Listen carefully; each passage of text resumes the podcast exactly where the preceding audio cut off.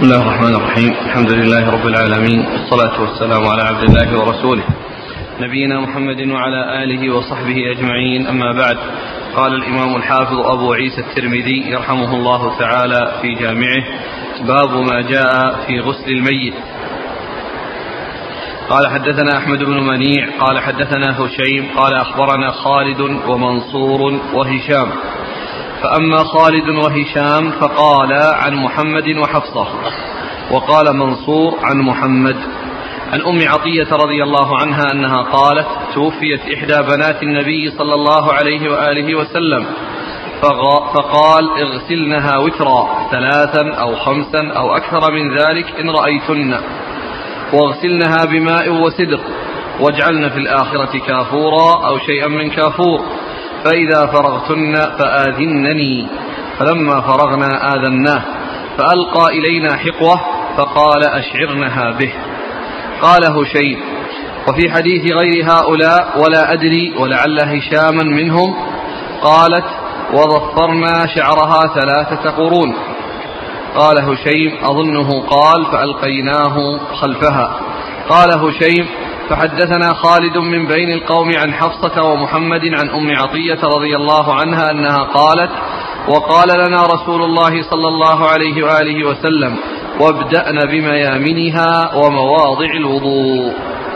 وفي الباب عن أم سليم رضي الله عنها وقال أبو عيسى حديث أم عطية حديث حسن صحيح والعمل على هذا عند أهل العلم.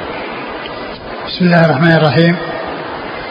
الحمد لله رب العالمين وصلى الله وسلم وبارك على عبده ورسوله نبينا محمد وعلى آله وأصحابه أجمعين. أما بعد فيقول الإمام أبو عيسى الترمذي رحمه الله في جامعة باب في غسل الميت. آه آه هذا هو أحد الأمور المتعلقة التي التي تأتي في كتاب الجنائز لأن كتاب الجنائز مشتمل على أمور متعددة منها ما يكون قبل الموت كعيادة المريض وكذلك التلقين ومنها ما يكون بعد الموت كالتغسيل والتكفين والصلاة عليه. وهنا ذكر التغسيل فقال باب باب في غسل الميت. وغسل الميت جاءت الأحاديث جاء في حديث أم عطية رضي الله تعالى عنها الذي فيه التفصيل لكيفية الغسل وطريقه الغسل وكيف يكون الغسل. وغسل الميت كما جاء في هذا الحديث يكون بغسله بماء وسدر وأن يكون يعني ثلاثا أو أو خمسا أو سبعا أو أكثر من ذلك إذا رؤي أن الحاجة تدعو إلى ذلك من أجل الإنقاء. يعني من أجل الإنقاء والتنظيف وأنه يكون نظيفا ف وفيه الإشارة إلى أنه يكون وترا لأنه قال ثلاثا أو سبعا أو خمسا أو سبعا أو أكثر من ذلك إذا رأيتن ذلك أو أكثر إذا رأيتن ذلك. أي أن الحاجة تدعو إليه من أجل الإنقاء والتنظيف. أه تقول ام عطيه أنها توفيت إحدى بنات النبي صلى الله عليه وسلم. وهي قيل إنها زينب وقيل إنها أم كلثوم. و يعني بعض أهل العلم قال يحتمل أن يكون كل من الاثنتين حصل لها ذلك وذلك لأنها كما يقولون إنها تغسل الميتات تغسل النساء الميتات ان معطية كانت معروفة بذلك. فيحتمل يكون حصل هذا وهذا. ومن العلم من رجح أنها أم كلثوم. من رجح أنها أم كلثوم.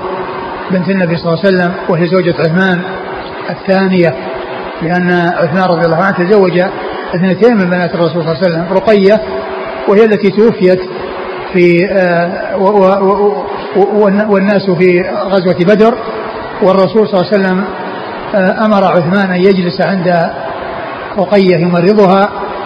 واعتبر ممن يعني شهد الغزوة ولكنه بقي بأمر الرسول صلى الله عليه وسلم.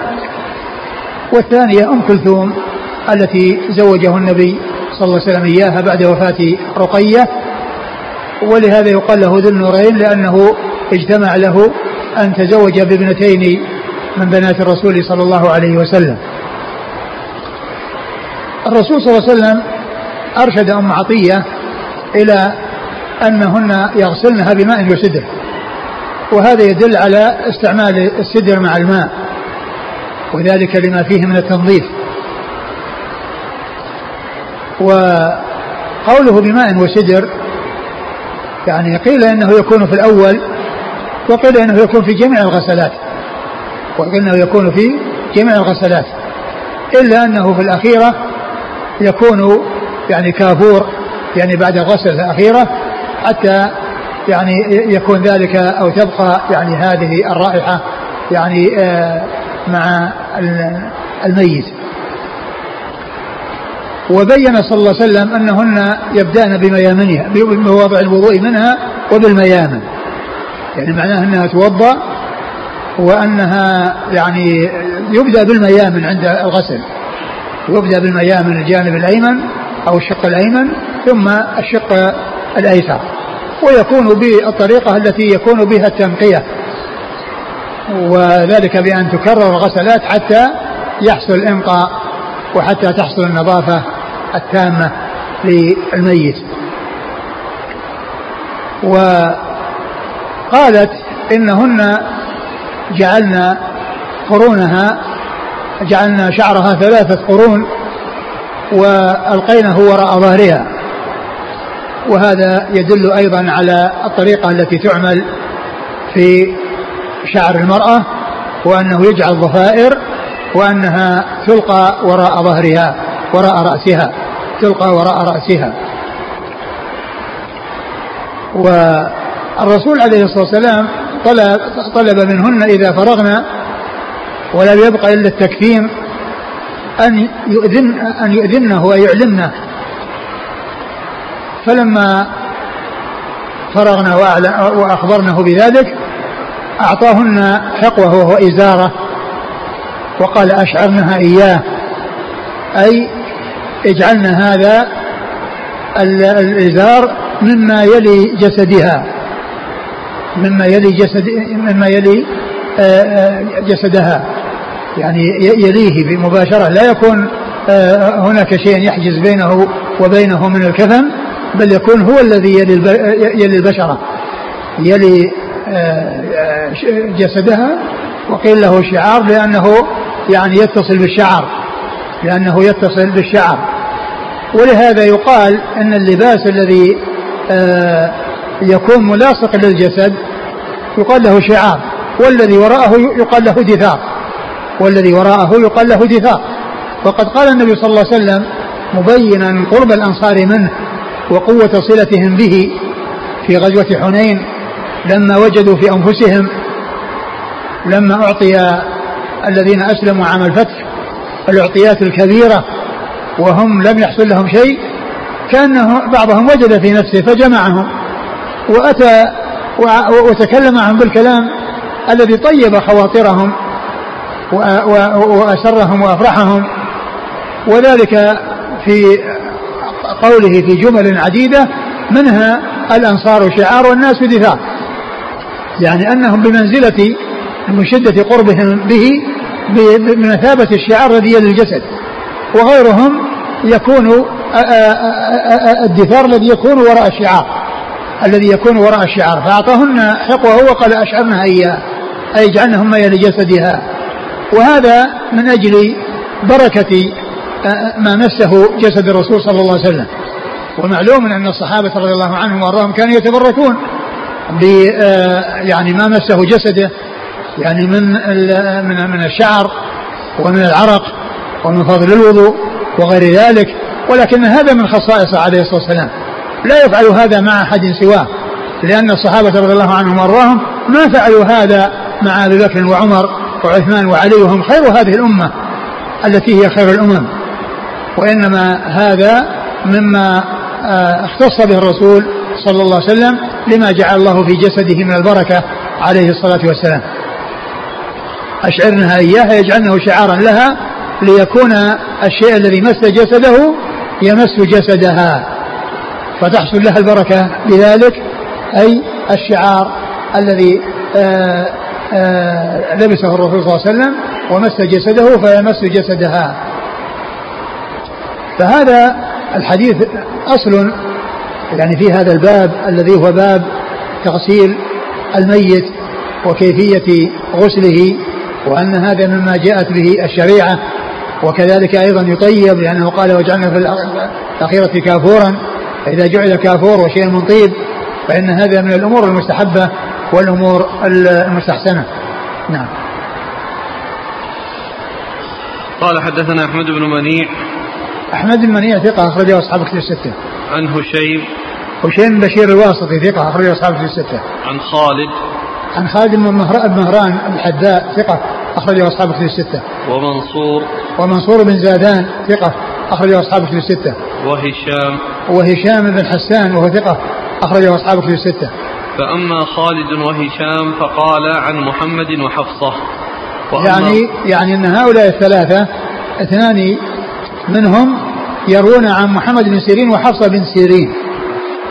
وأما الثالث فهو يروي عن محمد فقط لا يروي عن حفصة. نعم. وقال منصور عن محمد. محمد؟ محمد هو بن سيرين. ثقة أخرجها أصحاب في الستة. وحفصة بن سيرين أخته ثقة أخرجها أصحاب في الستة. عن أم عطية. عن أم عطية رضي الله عنها وحديثها أخرجه أصحاب في الستة. قالت توفيت إحدى بنات النبي صلى الله عليه وعلى آله وسلم فقال اغسلنها وترا ثلاثا أو خمسا. وهذا يدل على استحباب الوتر وأن الإيثار أنه مستحب في مثل هذه الأمور يغسلنها وترا ثلاثا أو خمسا. أو أكثر من ذلك إن رأيتن. ثلاثا أو خمسا؟ أو, أو أكثر من ذلك. ما في سبعا لا. ثلاثا أو خمسا أو أكثر من ذلك نعم. إن رأيتن ذلك يعني فوض إليهن وذلك يعني ليس المقصود آه أنه من ناحية الشهوة والرغبة وإنما من ناحية الحاجة وعدم الحاجة. فإن كان حاجة إلى زيادة من أجل الإنقاء آه فعلنا. وإن لم يحصل آه وحصلت الكفاية بهذا أو بأزيد من هذا فإنه يوقف عند حد الكفاية لكن يكون بالوتر. نعم. واغسلنها بماء وسدر نعم واغسلنها بماء يعني الغسل لا يكون بالماء وحده وإنما يكون بالسدر معه وذلك لأن فيه زيادة التنظيف. واجعلنا في الآخرة كافورا أو شيئا من كافور. يعني هذا شك من الراوي هل قال كافورا أو شيئا من كافور؟ نعم. فائدة؟ يعني من أجل رائحته وأيضا يعني فائدته في بقاء يعني الجسد يعني يعني لا يتأثر. نعم. فإذا فرغتن فآذنني فلما فرغنا آذناه فألقى إلينا حقوة فقال أشعرنها به. والحقو هو الإزار الذي يعقد على الحقو الذي هو معقد الإزار. وأطلق على الشعار حقو على الإزار حقو لأنه يتصل به. ويعقد به ويربط به. نعم. قال هشيم وفي حديث غير هؤلاء ولا أدري ولعل هشاما منهم قالت وظفرنا شعرها ثلاثة قرون. أي أن هذا من فعلهن أنهن فعلن هذا الشيء ويعني هذا الشيء لا شك أنه يعني أنه حصل منهن وهو بعلمه صلى الله عليه وسلم. ولم يأتي يعني شيء يدل على يعني إنكاره. فهو إما أنهن أخذنه منه أو أنهم فعلنه ولكنه علم به. نعم. قال هشيم أظنه قال فألقيناه خلفها. ألقيناه خلفها أي شعر أي القرون أو الضفائر ألقوه خلفها أي خلف رأسها. قال هشيم فحدثنا خالد من بين القوم عن حفصة ومحمد عن أم عطية أنها قالت وقال لنا رسول الله صلى الله عليه وسلم وابدأنا بميامنها ومواضع الوضوء. وهذا من انفرد به خالد عن الاثنين الذين شاركوه في الرواية وهم منصور بن زادان و وهشام بن حسان يعني أن الرسول صلى الله عليه وسلم قال ابدأنا بميامنها ومواضع الوضوء منها. ابدأنا بميامنها ومواضع الوضوء منها. قال وفي الباب عن أم سليم. أم سليم بنت ملحان وهي أم أنس صحابية. آه، أخرج حديثها. البخاري ومسلم أخرج أصحاب الكتب الستة إلا ابن ماجه. أخرج أصحاب الكتب الستة إلا ابن ماجه. قال أبو عيسى حديث أم عطية حديث حسن صحيح والعمل على هذا عند أهل العلم. نعم. وقد روي عن إبراهيم النخعي أنه قال غسل الميت كالغسل من الجنابة. نعم أنه يعني يكون مثله يعني تماما. والغسل من الجنابة يعني كما هو معلوم يعني يكون آه يعني آه آه كاملا ويكون آه مجزئا. والكامل هو الذي يؤتى به على هيئة الوضوء ثم بعد ذلك يعني يصير الإفاضة الماء على سائر الجسد والمجزئ هو الذي آه، ينوي الاغتسال ويصب الماء على جسده كله ويعممه دون أن يكون آه، قد توضأ قبله بل آه، يكون حصل تعميم الجسد بالماء وغسله بالماء فهذا هو الغسل الغسل المجزئ. فيقول إنه مثل مثل غسل الجنابة. لكن الرسول صلى الله عليه وسلم بين في الحديث أن المقصود منه التنظيف وأنه يعني يكون وتر وأنه يكون آه، ثلاثا أو سبعا أو خمسا أو أكثر من ذلك إذا دعت الحاجة إلى هذا. نعم. فالحكمة من الغسل من غسل الميت. تنظيفه. وليس لحدث. نعم.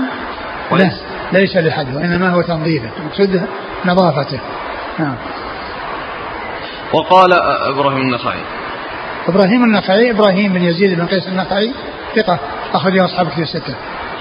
وقد وقال مالك بن أنس ليس لغسل الميت عندنا حد مؤقت وليس لذلك صفة معلومة ولكن يطهر. يعني كما هو معلوم هذا الحديث واضح الدلالة في آه، الكيفية يعني والصفة وذلك بكونه ثلاثا أو خمسا وكذلك كونه يبدأ بالميامن وكونه يحصل يعني مواضع الوضوء وكون الضفائر يكون وراء الرأس. كل هذه تفاصيل لتغسيل الميت. نعم. ومالك هو ابن أنس إمام دار الهجرة المحدث الفقيه. أحد أصحاب المذاهب الأربعة المشهوره من مذاهب السنة وحديثه أخرجه أصحاب كتب الستة. وقال الشافعي إنما قال مالك قولا مجملا يغسل وينقى وإذا أنقي الميت بماء قراح أو ماء غيره أجزأ ذلك من غسله ولكن أحب إلي أن يغسل ثلاثا فصاعدا لا يقصر عن ثلاث لما قال رسول الله صلى الله عليه وسلم اغسلنها ثلاثا أو خمسا وإن أنقوا في أقل من, من ثلاث مرات أجزأ. ولا نرى أن قول النبي صلى الله عليه وسلم إنما هو على معنى الإنقاء ثلاثا أو خمسا ولم يؤقت. وكذلك قال الفقهاء وهم أعلم بمعاني الحديث. يعني الإمام مالك رحمه الله قال الشافعي وقال كلاما مجملا. كلاما مجملا ولكن ال ال التفصيل يعني جاء يعني في آه، حديث معطية إيش قال الشافعي؟ قال الشافعي إنما قال مالك قولا مجملا نعم. يغسل وينقى نعم. وإذا أنقي الميت بماء قراح وإذا أنقي الميت بماء قراح يعني ماء صافي المرور القراح الصافي هنا يعني ليس مختلطا بشيء يعني يخرجه عن مائيته بأن يكون معه دقيق يعني فيكون يعني تغير تغيرت مائيته أن يكون قراه يعني صافي يعني ليس خليطا خليطا بشيء لكن كما هو معلوم يخلط معه السدر الذي جاء عن رسول الله صلى الله عليه وسلم. نعم. وإذا ألقي الميت بماء قراح أو ماء غيره أجزأ ذلك من غسله. نعم. ولكن أحب إلي أن يغسل ثلاثا فصاعدا. نعم. لا يقصر عن ثلاث. نعم. لما قال رسول الله صلى الله عليه وسلم اغسلنها ثلاثا أو خمسا. يعني أن ما دون ذلك يجزي لكن الأولى ألا يقصر عن ثلاث لأن النبي صلى الله عليه وسلم قال ثلاثا أو خمسا وأكثر من ذلك إذا رأيتن ذلك. يعني الواجب واحدة نقول هذا المجزي الذي يكفي الذي لا بد منه. وأما المستحب ثلاثا فأكثر. وإن أنقوا في أقل من ثلاث مرات أجزأ.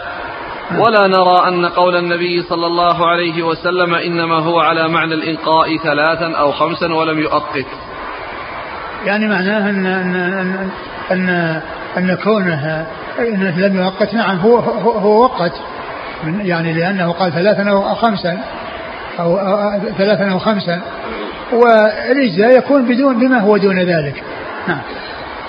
وكذلك قال الفقهاء وهم أعلم بمعاني الحديث. الفقهاء يعني الفقهاء اللي هم أهل الحديث. الذين يذكر الترمذي أقوالهم كثيرا. فيقول وهو قول إسحاق وهو قول الليث وقول الأوزاعي أو قول إسحاق أو قول سفيان. يعني هؤلاء هم الفقهاء يعني عند المحدثين. والترمذي يعني هؤلاء. يعني لا يعني بالفقهاء أصحاب المذاهب الذين يعني دونت الذين دونوا المذاهب والذين آه، اشتغلوا في فقه المذاهب الأربعة وإنما يقصد به الفقهاء اللي هم آه، أهل الحديث والفقه يعني مثل سفيان الثوري ثقة محدث فقيه ومثل الليث بن سعد ثقة فقيه محدث فقيه ومثل الأوزاعي محدث فقيه ومثل آه، يعني إسحاق بن راهوية محدث فقيه وهكذا. يأتي ذكرهم كثيرا في آه، عند الترمذي رحمه الله في بيان الأقوال وكذلك الشافعي وأحمد ومالك. نعم. وقال أحمد وإسحاق وتكون الغسلات بماء وسدر ويكون في الآخرة شيء من كافور. نعم. قال رحمه الله تعالى باب ما جاء في المسك للميت قال حدثنا محمود بن غيلان قال حدثنا أبو داود وشبابه قال حدثنا شعبة عن خليد بن جعفر أنه سمع أبا نضرة يحدث عن أبي سعيد الخدري رضي الله عنه قال قال رسول الله صلى الله عليه وعلى آله وسلم أطيب الطيب المسك. قال أبو عيسى هذا حديث حسن صحيح. ثم ورد أبو عيسى باب المسك للميت يعني تطيبه بالمسك. والمسك هو نوع من الطيب وهو يعني آه، أحسن الطيب ومن أحسن الطيب. ويكون يعني آه، يعني آه، وهو من من من, من الطيب الذي من أحسن الأطياب يعني عند الناس. فإذا يستعمل في حق الأموات ويطيبون بهذا الطيب الطيب الذي هو المسك. ولهذا يأتي التمثيل به أي المسك يعني في ال في ال آه، في الأمور الممدوحة والأمور المحمودة والمثنى عليها مثل أطيب عند الله من ريح المسك. أطيب عند الله من ريح ولا خلوف النصر أطيب عند الله من ريح المسك. وكذلك يعني الشهيد يأتي لونه لون الدم والريح والريح ريح المسك. فهو يعني من أحسن الأطياب وهو أحسن الأطياب ويأتي التمثيل به. في الحسن والتميز على غيره في آه، في طيب الرائحة. فإذا يستعمل للأموات كما يستعمل للأحياء. نعم. أطيب الطيب المسك. نعم. قال حدثنا محمود بن غيلان. محمود بن غيلان دمشقي ثقة أخرجه أصحاب كتب الستة إلا أبا داود. عن أبي داود. عن أبي داود هو سليمان بن داود وهو سليمان بن داود الطيالسي ثقة أخرجه البخاري تعليقا ومسلم وأصحاب السنة. وشبابة. شبابة بن سوار وهو ثقة أخرج أصحاب الكتب. ثقة أخرج أصحاب الكتب الستة. عن شعبة. عن شعبة بن الحجاج الواسطي ثم البصري ثقة أخرج أصحاب الكتب الستة. عن خليد بن جعفر. خليد بن جعفر. صدوق أخرجه مسلم والترمذي والنسائي. صدوق أخرجه مسلم والترمذي والنسائي. عن أبي نضرة. عن أبي نضرة هو المنذر بن مالك من قطعة ثقة أخرجه البخاري. تعليقا ومسلم وأصحاب السنة. عن أبي سعيد الخدري. عن أبي سعيد الخدري سعد بن مالك بن سنان أحد السبع المكثرين من حديث رسول الله صلى الله عليه وسلم. قال حدثنا سفيان بن وكيع قال حدثنا أبي عن شعبة عن خليد بن جعفر عن أبي نضرة عن أبي سعيد رضي الله عنه أن النبي صلى الله عليه وعلى آله وسلم سئل عن المسك فقال هو أطيب طيبكم. نعم وهذا مثل الذي قبله أنه سئل عن المسك. الأول قال أطيب طيب المسك وهذا سئل عن طيب فقال أطيب طيبكم فهو مثل الذي قبله. قال حدثنا سفيان بن وكيع. سفيان بن وكيع صدوق يعني آه، آه، ابتلي بوراق فنصح ولم ينتصح وترك ولكن يعني هذا الطريق آه، مثل الطريقة السابقة التي رجالها يعني ثقات أو محتج بهم وهو إن كان غير محتج به إلا أنه هنا موافق لغيره. نعم. أخرج حديثه. الترمذي وابن ماجه. الترمذي وابن ماجه. عن أبيه عن أبيه وكيع وهو ثقة أخرج أصحابه في الستة. عن شعبة عن خليل بن جعفر عن أبي نضرة عن أبي سعيد. نعم. قال أبو عيسى هذا حديث حسن صحيح والعمل على هذا عند بعض أهل العلم وهو قول أحمد وإسحاق. وقد كره بعض أهل العلم المسك للميت. نعم لا وجه للكراهية نعم.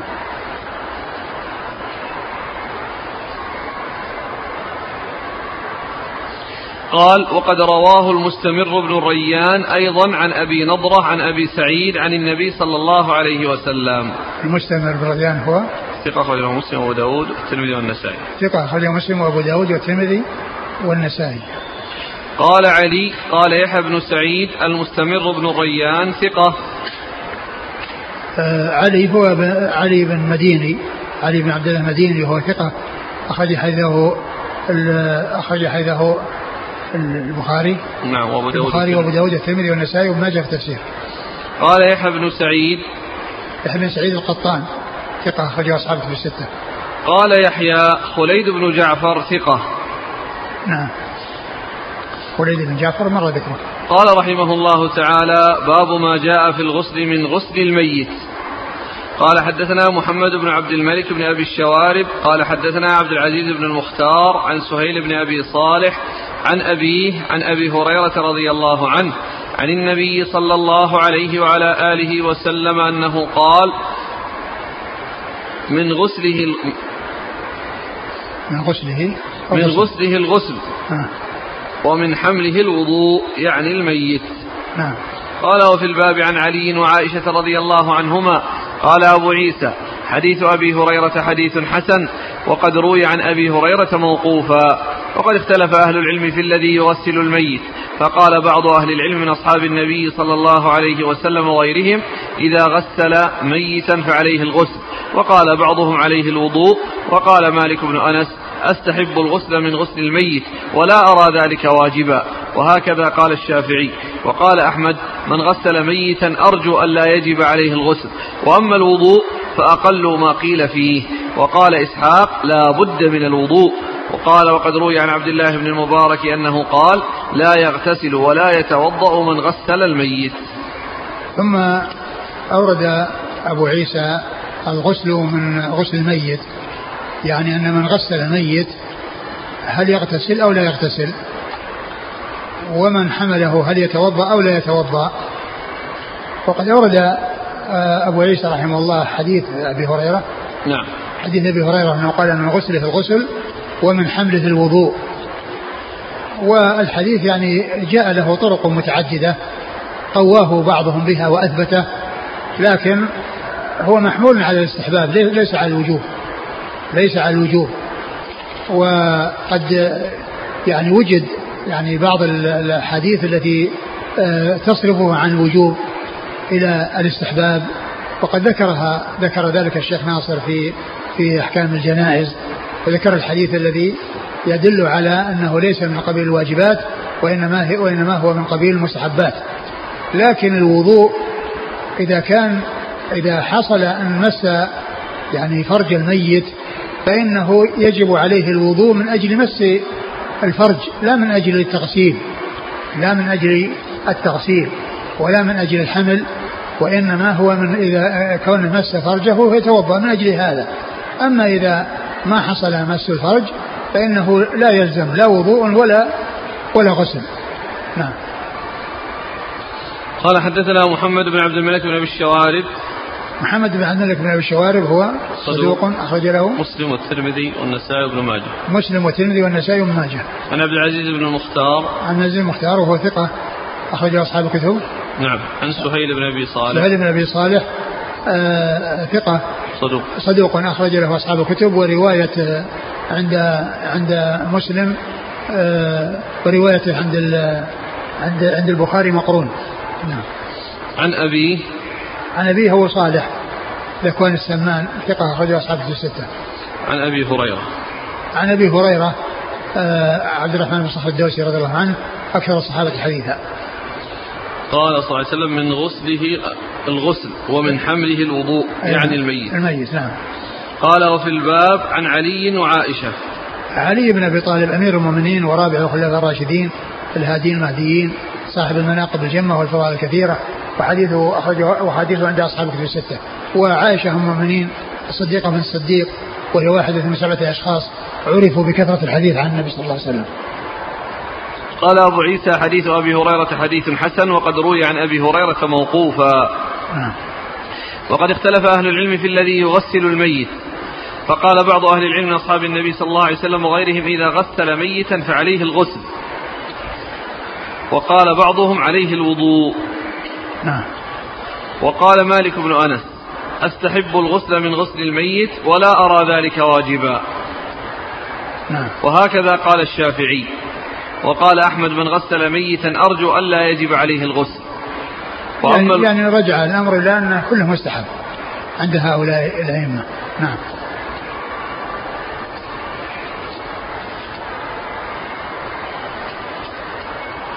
طيب عرفنا الصارف عن الغسل. والوضوء من الغسل من التغسيل ليس من الحمل. نعم. الآن من غسل ميتا فعليه الغسل. هو كله على سبيل الاستحباب ليس في شيء على سبيل الوجوب. طيب هذا إلا, إلا إذا حصل مس الفرج فإنه يجب الوضوء. يجب الوضوء للغسل وقال بعضهم لأنه انتقض الوضوء. إذا كان أو إذا كان غير متو... إذا كان متوضئا فإنه ينتقض وضوءه وعليه أن أن يتوضأ لمس الفرج. ومن قال عليه الوضوء ما حجته؟ الحجة الحديث. حديث الحديث, الحديث اللي ورد. الحديث من غسل من من غسله الغسل ومن حمله الوضوء. من قال بأن من غسل ميتا عليه الوضوء. يعني آه، لأن لأن الوضوء هو أقل شيء. والوضوء والغسل هو الأكمل. أو هو, هو, هو عن الذي آه، آه، مثل الحدث الأكبر لأنه يعني أعلى وهذا أقل اللي هو الوضوء. يعني شأنه أقل من شأن الغسل. قياس ما في شيء. نعم. قياس. والله هو هو هو, هو الذي يظهر. يعني ما يعني هم قالوا إن كله مستحب. يعني ما فيه يعني ما فيه وجوه. ما ليس فيه وجوه في هذا الباب. قال مالك بن أنس أستحب الغسل من غسل الميت ولا أرى ذلك واجبا. وهكذا قال الشافعي. وقال أحمد من غسل ميتا أرجو أن لا يجب عليه الغسل. وأما. الوضوء يعني ما اوجبه وأما الوضوء؟ فأقل ما قيل فيه. وقال إسحاق لا بد من الوضوء. نعم. قال وقد روي عن عبد الله المبارك أنه قال لا يغتسل ولا يتوضأ من غسل الميت. نعم. الكلام كله عن تغسيل الميت لم يتعرض لقضية الحمل. إنهم ما تعرضوا له ما تعرضوا له ولكن يعني كله من, من باب واحد. من ناحية الوجوب ما يجب.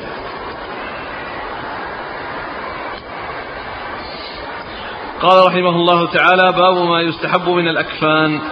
قال حدثنا قتيبة قال حدثنا بشر بن المفضل عن عبد الله بن عثمان بن قتيب عن سعيد بن جبير عن ابن عباس رضي الله عنهما أنه قال قال رسول الله صلى الله عليه وآله وسلم البسوا من ثيابكم البياض فإنها من خير ثيابكم وكفنوا فيها موتاكم. ثم ورد أبو عيسى باب تكفين ما يستحب من الأكفان. باب ما يستحب من الأكفان. آه الترمذي رحمه الله أورد حديث ابن عباس في بيان ما يستحب من الأكفان وأنه البياض. لأن النبي صلى الله عليه وسلم قال إن, إن, إن من خير ثيابكم البياض فالبسوها, فالبسوها وكفنوا فيها موتاكم. يعني إرشاد لهم إلى أن يلبسوا البياض وأن يكفنوا فيه. يكفنوا فيه الموتى. فهو دال على أن أولى ما يكفن به وخير ما يكفن به الموتى أنه البياض. نعم. قال حدثنا قتيبة قتيبة بن سعيد ثقة أخرج أصحاب في الستة. عن بشر بن المفضل بشر المفضل آه ثقة أخرج أصحاب في الستة. عن عبد الله بن عثمان بن خثيم. عبد الله بن عثمان بن خثيم هو صدوق أخرج البخاري تعليقا ومسلم وأصحاب السنة. صدوق أخرج البخاري تعليقا ومسلم وأصحاب السنة. عن سعيد بن جبير. سعيد بن جبير ثقة أخرج أصحاب في الستة. ابن عباس. عن عباس عبد الله بن عباس بن عبد المطلب رضي الله تعالى عنهما آه أحد العبادلة وأحد السبع المكثرين من حديث رسول الله صلى الله عليه وسلم. قال وفي الباب عن سمرة سمرة بن جندب أخرج حديث أصحابه في الستة. وابن عمر وابن عمر عبد الله بن عمر آه، آه، أحد العبادلة وأحد السبع المكثرين من حديث الرسول صلى الله عليه وسلم. وعائشة. نعم. قال أبو عيسى حديث ابن عباس حديث حسن صحيح وهو الذي يستحبه أهل العلم. وقال ابن المبارك أحب إلي أن يكفن في ثيابه التي كان يصلي فيها التكفين بال أقول التكفين بال بالاثواب البيض ويعني غير ثيابه هو الذي آه، جاءت النصوص دالة عليه. فالأخذ به آه، هو هو هو المتعين ولا يكفن في ثيابه التي كان يصلي فيها لأنه ما جاء شيء يدل على هذا.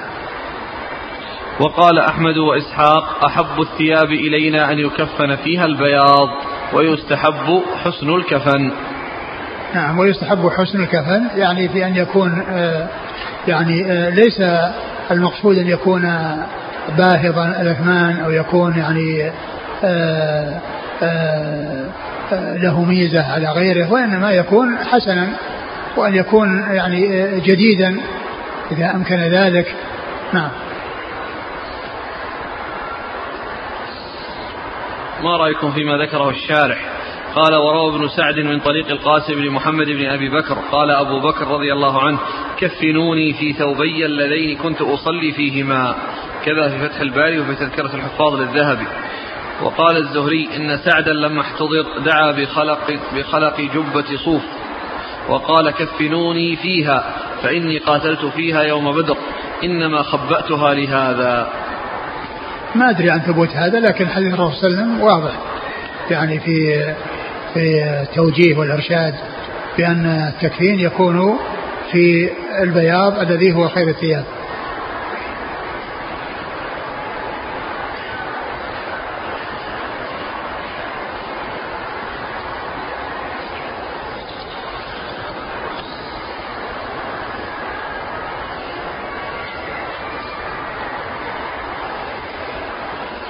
قال رحمه الله تعالى باب منه. قال حدثنا محمد بن بشار قال حدثنا عمر بن يونس قال حدثنا عكرمة بن عمار عن هشام بن حسان عن محمد بن سيرين عن أبي قتادة رضي الله عنه أنه قال قال رسول الله صلى الله عليه وعلى آله وسلم إذا ولي أحدكم أخاه فليحسن كفنه. قال وفيه عن جابر رضي الله عنه. قال أبو عيسى هذا حديث حسن غريب. وقال ابن المبارك قال سلاو بن أبي مطيع في قوله ويحسن أحدكم كفن أخيه قال هو الصفاء وليس بالمرتفع. يعني أورد أبو عيسى حديث أبي قتادة. باب منه باب منه يعني من الباب الذي قبله. يعني الذي هو يعني يتعلق بالتكفين. وقال قال النبي صلى الله عليه وسلم في حديث أبي قتادة إذا ولي أحدكم فليخاف ليحسن كفنه. يعني إذا كان له ولاية عليه يعني آه، آه، وتولى يعني آه، تكفينه فإنه يحسن الكفن والمقصود بتحسين الكفن أن يكون ليس رديئا ولا يعني مشهورا أو يعني نفيسا غاليا فمثل ما قال يعني في الصفاء مثل ما قال يعني عن عن المبارك ولا عن مين؟ اللي في الآخر قال الصفا سلام بن ابي مطيع سلام. ابن أبي مطيع. أيوه. قال؟ في قوله وليحسن أحدكم كفن أخيه قال هو الصفا وليس بالمرتفع. هذا هو الصفاء وليس بالمرتفع القيمة. يعني يكون صافيا نقيا نظيفا وليس بالمرتفع القيمة. هذا هو المقصود بالحسن. يعني ليس رديئا ولا نفيسا عاليا غاليا وإنما يكون آه، حسنا. ليس فيه تقصير رداءة ولا مبالغة بأن يكون باهظ الثمن. نعم. قال حدثنا محمد بن بشار. محمد بن بشار ملقب بن دار ثقة أخرجه أصحابه في الستة. عن عمر بن يونس. عن عمر بن يونس وهو ثقة أخرج أصحاب الكتب. ثقة أخرجه أصحاب الكتب الستة. عن عكرمة عكرمة بن عمار. عن عكرمة بن عمار هو صدوق يغلط. صدوق يغلط أخرجه. البخاري تعليقا ومسلم وأصحاب السنن. البخاري تعليقا ومسلم وأصحاب السنن. عن هشام بن حسان. عن هشام بن حسان ثقة أخرجه أصحاب الكتب الستة. عن محمد بن سيرين عن أبي قتادة. محمد بن سيرين مر ذكره وأبو قتادة الحارث بن ربعي الأنصاري رضي الله عنه أخرج حديثه أصحاب الكتب الستة. وفيه عن جابر قال أبو عيسى هذا حديث حسن غريب وقال ابن مبارك قال سلام بن أبي في قوله وليحسن أحدكم كفن أخيه قال هو الصفا وليس بالمرتفع. سلام إيش قال فيه؟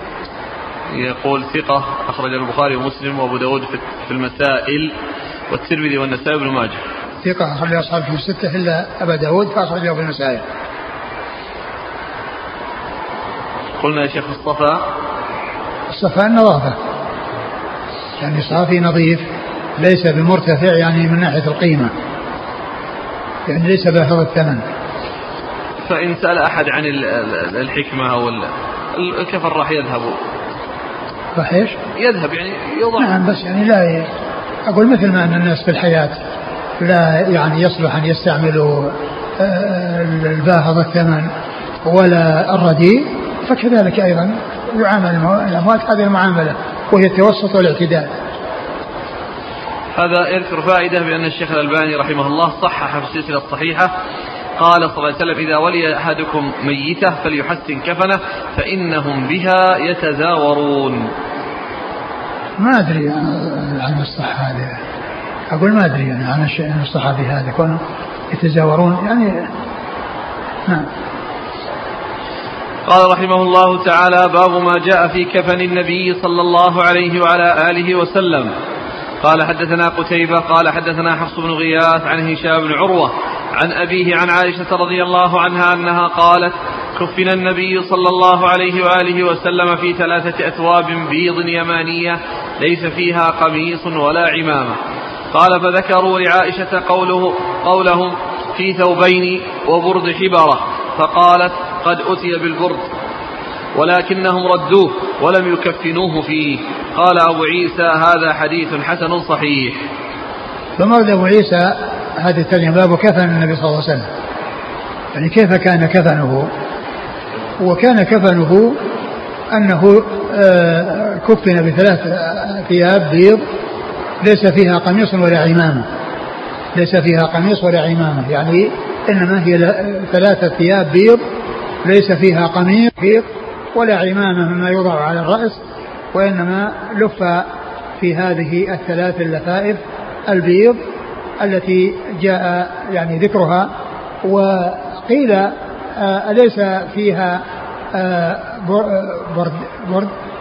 إيش؟ وذكروا لعائشة قولهم في ثوبين وبرد حبرة.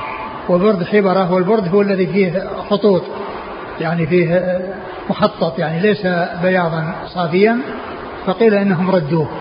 يعني معناه قالت إنهم ردوه يعني اتي به ولكنهم ردوه وكفنوه بثلاثة ثواب متماثلة ليس فيها قميص ولا عمامة. يعني أنه لم يزد على هذه الأشياء الثلاثة التي هي الثلاث الثلاثة الثياب. فلم يلبس معها قميص فيكون فوق الثلاثة ولم يكن بدلا من هذه الثلاثة وإنما هي ثلاثة, ثلاثة ثياب ليس فيها شيء آه، مما اعتاد الناس لبسه من القمص والعمائم. نعم. قال حدثنا قتيبة عن حفص بن غياث. حفص بن غياث ثقة أخرج له؟ أصحاب الكتب. أصحاب الكتب الستة. عن هشام بن عروة. عن هشام بن عروة وثقة أخرج أصحاب الكتب الستة وأبوه عروة ثقة فقيه أحد فقهاء المدينة السبعة. في عصر التابعين أخرجه أصحابه في الستة وعائشة أم المؤمنين رضي الله عنها مر ذكرها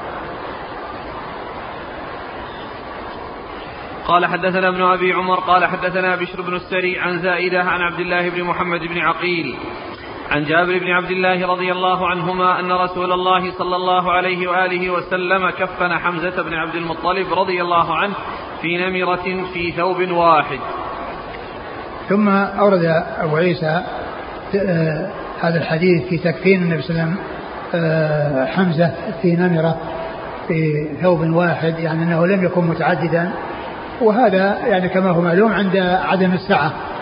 إذا عندما عندما السعة يكفي أي شيء وأما إذا حصلت السعة فإنه يؤتى بثلاثة ثياب لا, لا يزاد عليها ولا ينقص عنها. هذا هو المستحب. والإجزاء يعني يكون بالشيء الذي يحصل به الستر. وعند الضيق فإنه يكتفى بواحد أو إذا لم يحصل أيضا الكفاية فإنه يغطى تغطى العورة و يعني وكذلك يعني ما يتصل بها. وإذا كان آه، يكفي لأن يستر كله ستر كله وإلا فإنها تستر العورة وما يتصل بها والباقي يكون مكشوفا. قال حدثنا ابن أبي عمر. هو العدني صدوق أخرج حديثه مسلم والترمذي والنسائي وابن ماجه. عن بشر بن السري. بشر بن السري هو؟ ثقة أخرج أصحابه. ثقة أخرج أصحابه الستة. عن زائدة. زائدة بن قدامة ثقة أخرج أصحابه الستة. عبد الله بن محمد بن عقيل. عبد الله بن محمد بن عقيل هو؟ صدوق في حديثه لين. صدوق في حديثه لين أخرج حديثه البخاري في المفرد وأبو داود والترمذي وابن ماجه. البخاري في المفرد وأبو داود والترمذي وابن ماجه. عن جابر بن عبد الله. نعم. قال وفي الباب عن علي وابن عباس وعبد الله بن مغفل عبد الله مغفل آه، أخرج حديث أصحابه في ستة. وابن عمر. نعم. قال أبو عيسى حديث عائشة حديث حسن صحيح وقد روي في كفن النبي صلى الله عليه وسلم روايات مختلفة. وحديث عائشة أصح الأحاديث التي رويت في كفن النبي صلى الله عليه وسلم. والعمل على حديث عائشة عند أكثر أهل العلم من أصحاب النبي صلى الله عليه وآله وسلم وغيرهم. قال سفيان الثوري يكفن الرجل في ثلاث أثواب. إن شئت في قميص ولفافتين وإن شئت في ثلاث لفائف. ويجزي ثوب واحد إن لم يجدوا ثوبين والثوبان يجزيان. والثلاثة لمن وجدها أحب إليهم. أعد أعد أعد الكلام. ها؟ أعد الكلام له هذا. قال سفيان الثوري. نعم. قال سفيان الثوري يكفن الرجل في ثلاث أثواب. إن شئت في قميص ولفافتين. نعم. وإن شئت في ثلاث لفائف. ويجزي ثوب واحد إن لم يجدوا ثوبين. يعني إن الأولى ان ان أنه يجوز هذا ويجوز هذا عند عند سفيان. ولكن الأولى هو أن يفعل كما فعل برسول الله صلى الله عليه وسلم وهو الثلاث اللفائف البيض التي ليس فيها قميص ولا عمامة. نعم. والثوبان يجزيان والثلاثة لمن وجدها أحب إليهم. نعم. وهو قول الشافعي وأحمد وإسحاق. نعم. قالوا تكفن المرأة في خمسة أثواب. قالوا تكفن المرأة في خمسة أثواب بأن يضاف إلى ذلك يعني آه، خمار ويعني درع يعني مع ثلاث اللفايف آه، البيض مع ثلاث اللفايف. و والحديث الذي ورد في هذا فيه ضعف. الحديث الذي ورد في هذا فيه ضعف. نعم. قال رحمه الله تعالى باب ما جاء في الطعام يصنع لأهل الميت. قال حدثنا أحمد بن منيع وعلي بن حجر قال حدثنا سفيان بن عيينة عن جعفر بن خالد عن أبيه عن عبد الله بن جعفر رضي الله عنهما أنه قال لما جاء نعي جعفر قال النبي صلى الله عليه وسلم اصنعوا لأهل جعفر طعاما فإنه قد جاءهم ما يشغلهم. ثم ورد أبو عيسى باب صنع الطعام لأهل الميت. أهل الميت إذا حلت بهم مصيبة. آه، ينشغلون عن صنع الطعام والاشتغال بصنعه لأنهم يشعرون بالألم لفراق محبوبهم. ولهذا جاءت السنة بأنه يحسن إليهم ويواسون بصنع طعام وإيصاله إليهم لأنه قد جاءهم ما يشغلهم كما جاء في هذا الحديث. أن أن عن عبد الله بن جعفر أن جعفر بن أبي طالب رضي الله عنه لما استشهد في غزوة مؤتة وجاء ونعى ونعاه من السلام وأخبر عن عنه وعن الاثنين معه من الأمراء الذين استشهدوا وقال اصنعوا لآل جعفر طعاما فإنه جاءهم ما يشغلهم. فهذا يدل على استحباب مثل ذلك لكن لا يكون آه، آه، حصول الموت مناسبة لصنع الأطعمة وحضور الناس للأكل منها مثل ما يفعل عند يعني في كثير من البلدان يعني يتخذ سرادقات ويكون هناك يعني آآ أيام ويصنع الطعام والناس يأتون ويأكلون وتكون وتكون حالة الموت مناسبة.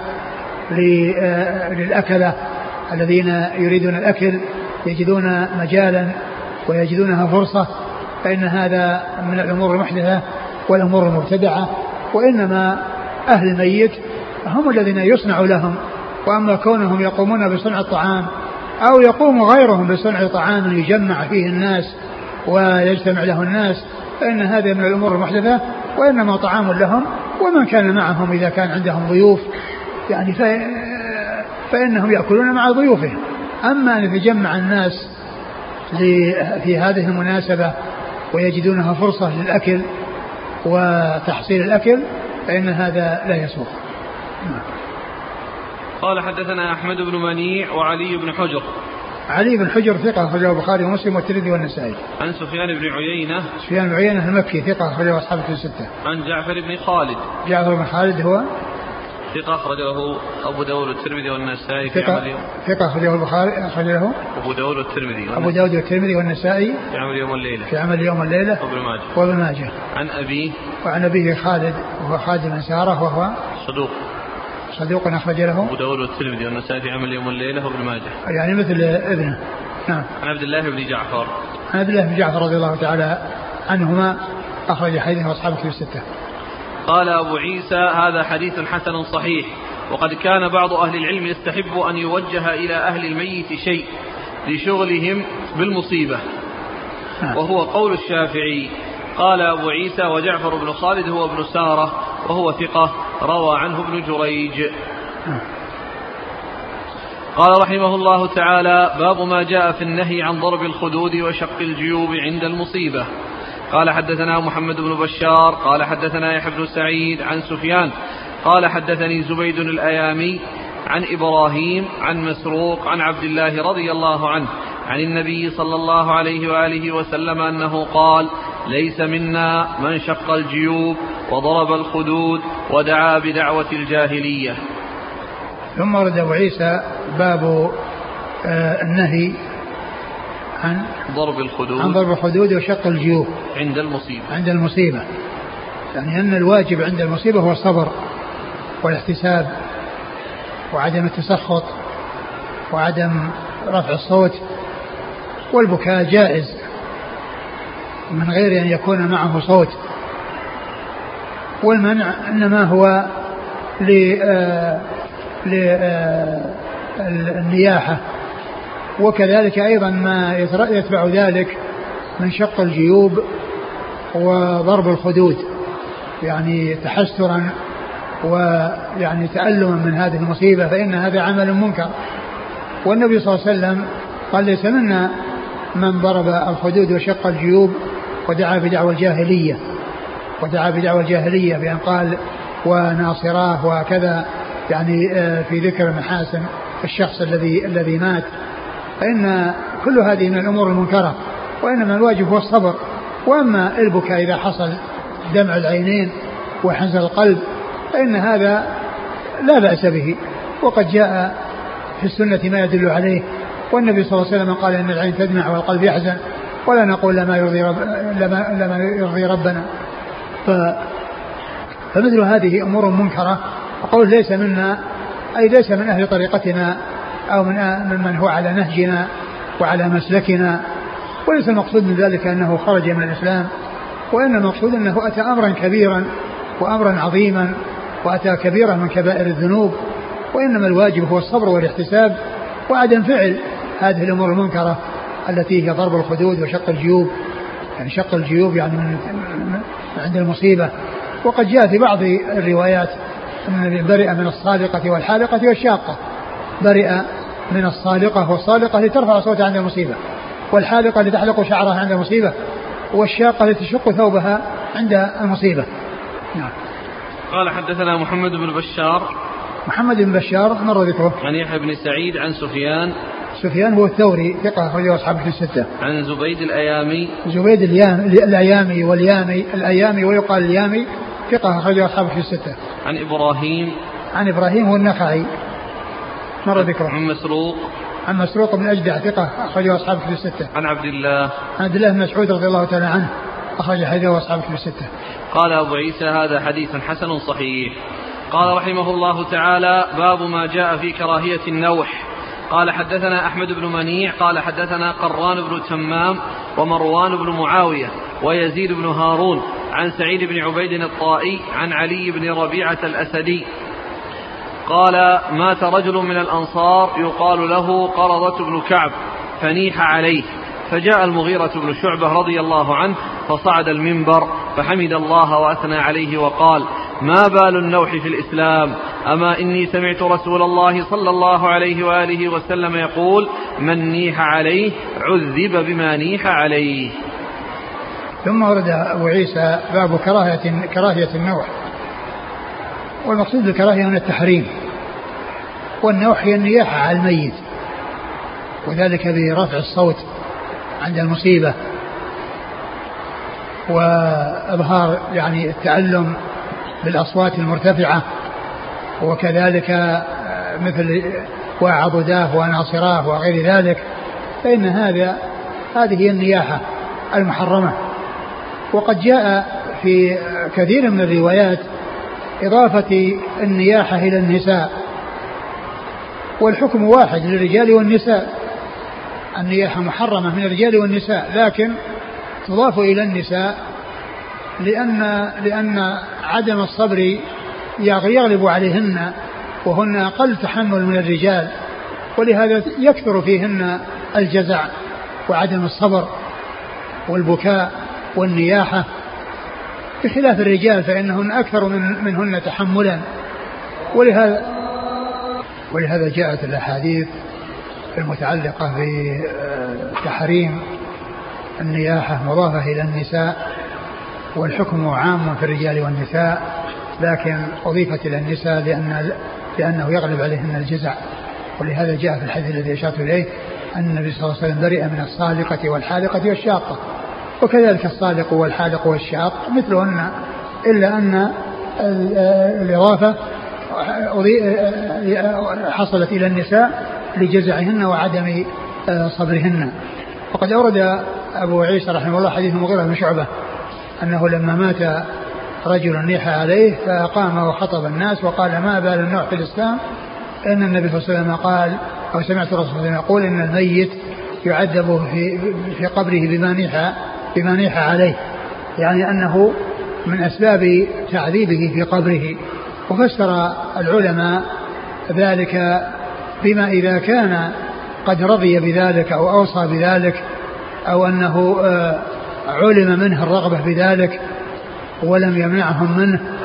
فإن هذا هو الذي يعذب لأن ذلك بشيء أراده وبشيء قصده. وأما إذا كان يمنعهم ومعلوم منه منعهم فإنه لا لا يحصل له عذاب بسبب نياحهم لأنه لا تزر وزر أخرى كما قال الله عز وجل لا تزر وازرة وزر أخرى ولكنه يعذب إذا كان قد رضي بذلك وأوصى بذلك فهذا هو الذي آه، يحصل له العذاب نعم. قال حدثنا أحمد بن منيع عن قران بن كمام قران بن تمام هو صدوق ربما أخطأ أخرج أبو داود والترمذي والنسائي. صدوق ربما أخطأ أخرج أبو داود والترمذي والنسائي. ومروان بن معاوية. مروان بن معاوية الفزاري ثقة أخرج أصحاب في الستة. ويزيد بن هارون. يزيد بن هارون الواسطي ثقة أخرج أصحاب في الستة. عن سعيد بن عبيد الطائي. سعيد بن عبيد الطائي هو ثقة أخرج أصحاب الكتب إلا ابن ماجه. ثقة؟ نعم. أصحاب في الستة إلا ابن ماجه. عن علي بن ربيع الأسدي. عن علي بن ربيع الأسدي وهو؟ ثقة أخرج أصحاب الكتب. ثقة أخرج أصحاب في الستة. عن المغيرة عن المغيرة بن شعبة رضي الله عنه أخرج حديثه أصحاب في الستة. قال وفي الباب عن عمر. عمر بن الخطاب رضي الله عنه أمير المؤمنين وثاني الخلفاء الراشدين الهادي المهديين صاحب المناقب الجمة والفضائل الكثيرة وحديثه عند أصحاب كتب الستة. وعلي وأبي موسى. أبو موسى عبد الله بن علي عنه مر ذكره. علي وعبد أبو موسى وعبد الله بن قيس الأشعري. أخرج حديثه أصحاب كتب الستة. وقيس بن عاصم. قيس بن عاصم التميمي المنقري. أخرج حديثه أصحاب كتب الستة. وهو الذي الذي آه يعني آه رثاه أحد الشعراء وبأبيات منها البيت المشهور. وما كان قيس هلكه هلك واحد. ولكنه بنيان قوم تهدم قيس بن عاصم. أخرج حديثه. أصحاب الكتب. البخاري في المفرد وأبو داود والترمذي والنسائي. البخاري في المفرد وأبو داود والترمذي والنسائي. وأبي هريرة وجنادة بن مالك. جنادة بن مالك ليس له رواية. وأنس. نعم وأنس بن مالك خادم النبي صلى الله عليه وسلم وأحد المكثرين من حديث رسول الله صلى الله عليه وسلم. وأم عطية وسمرة وأبي مالك الأشعري. أبو مالك الأشعري أخرج حديثه. البخاري تعليقا ومسلم وأبو داود والنسائي بن ماجه. البخاري تعليقا ومسلم وأبو داود والنسائي بن ماجه. قال أبو عيسى حديث المغيرة حديث غريب حسن صحيح. نعم. قال حدثنا محمود بن غيلان قال حدثنا أبو داود قال أنبأنا شعبة والمسعودي عن علقمة بن مرثد عن أبي الربيع عن أبي هريرة رضي الله عنه قال قال رسول الله صلى الله عليه وسلم أربع في أمتي من أمر الجاهلية لن يدعهن الناس. النياحة والطعن في الأحساب والعدوى. أجرب بعير فأجرب مئة بعير. من من أجرب البعير الأول؟ والأنواء. مطرنا بنوء كذا وكذا. قال أبو عيسى هذا حديث حسن. ثم ورد أبو عيسى حديث آه، أبي هريرة. أبي هريرة رضي الله عنه أن النبي صلى الله عليه وسلم قال أربع من أمتي من أمر الجاهلية لا يتركونهن الطعن في الأحساب وذلك في آه، آه، يعني طعن الناس بعضهم في بعض في أحسابهم وفي الأمور التي هي, هي يمدحون عليها يعني آه، يعني ذمهم وتنقصهم فيها والنياحة على الميت وهذا هو محل الشاهد. وكذلك أيضا العدوى يعني كون الناس يعتقدون أن أن المريض إذا جاء بجوار الصحيح فإنه ينتقل المرض ولا بد لذلك الصحيح. والنبي صلى الله عليه وسلم قال من أعدى الأول؟ إذا كان إذا كان أن أنها العدوى تنتقل وأنه لا يكون مرض إلا عن طريق العدوى من أعدى الأول؟ المريض الذي حصل له المرض في أول لأول مرة من أعداه؟ وإذا كان الأمر كذلك فالأمر كله لله عز وجل فهو الذي يجعل السبب إذا وجد يعني مؤثرا أو يجعله غير مؤثر فقد يوجد الاختلاط ولا يوجد عدوى وقد يوجد الاختلاط وتوجد عدوى ولكن لا يقال إن هذا شيء لا بد منه وأن المريض لا بد أن يعدي الصحيح لأن الأمور كلها لله عز وجل ولهذا قال النبي صلى الله عليه وسلم من من أعدى الأول؟ إذا كان آه، العدوى لا بد منها وأنه يعني لا بد من انتقال. اذا الأول من أعدى. اذا آه، المرض الذي حصل الأول آه، كله هو من الله والذي حصل للثاني والثالث والرابع كله من الله. ولا يكون الأمر معلقا بمريض اتصل به صحيح فانتقل مرضه إليه لأن هذا في قدره الله عز وجل قد يوجد الاختلاط ولا يوجد ولا يوجد عدوى. وقد يوجد الاختلاط ويوجد الانتقال وكل ذلك بمشيئه الله وإرادته وقدرته سبحانه وتعالى. وكذلك الانواع يعني مطرنا بنوع كذا وكذا وإضافة ذلك إلى النجوم والغفلة عن الله عز وجل. و آه، وقد جاء حديث في معنى هذا يعني في صحيح مسلم يعني فيه آه، والاستسقاء بالانواع نعم. بدل آه، ذكر النوع هنا قال والاستسقاء بالنجوم. نعم. قال حدثنا محمود بن غيلان عن أبي داود عن شعبة والمسعودي. المسعودي هو عبد الرحمن عبد الرحمن بن بن بن عبد الله بن عتبة وهو صدوق اختلط قبل موته. صدوق اختلط قبل موته وحديثه. البخاري تعليقا وأصحاب السنن آه البخاري تعليقا وأصحاب السنن ومعه غيره الآن معه شعبه عن علقمة بن مرثد. عن علقمة بن مرثد وهو ثقة أخرجه أصحاب الكتب. أصحاب الكتب الستة. عن أبي الربيع. عن أبي الربيع المدني وهو مقبول. مقبول. البخاري في المفرد والترمذي. البخاري في المفرد والترمذي. عن أبي هريرة. عن أبي هريرة رضي الله عنه مر ذكره والحديث يعني قد جاء يعني له شواهد وفي صحيح مسلم. حديث في هذه الأربع مع اختلاف الألفاظ. نعم. قال أبو عيسى هذا حديث حسن. نعم. انتهى الباب. والله تعالى أعلم وصلى الله وسلم وبارك على نبينا ورسوله نبينا محمد وعلى آله وأصحابه أجمعين. جزاكم الله خيرا وبارك الله فيكم ونفعنا الله بما قلتم وغفر الله لنا ولكم وللمسلمين أجمعين. آه الحديث الذي صرف الأمر عن الوجوب لعله ما ذكره البيهقي من حديث ابن عباس مرفوعا ليس عليكم في ميتكم غسل إذا غسلتموه فإن ميتكم ليس بنجس فحسبكم أن تغسلوا أيديكم. وصححه الحاكم وقال الباني هو حسن كما قال الحافظ بن حجر في التلخيص. هذا هو. هذا هو الذي يصرف. ها؟ أقول هذا الذي صرف عن الوجوب إلى الاستحباب. هذا السلسلة الضعيفة ذكر الشيخ وهو يخرج يعني في 6304 هو في أحكام الجنائز. طيب شكر الله لكم. سبحانك اللهم وبحمدك أشهد أن لا إله إلا أنت أستغفرك وأتوب إليك.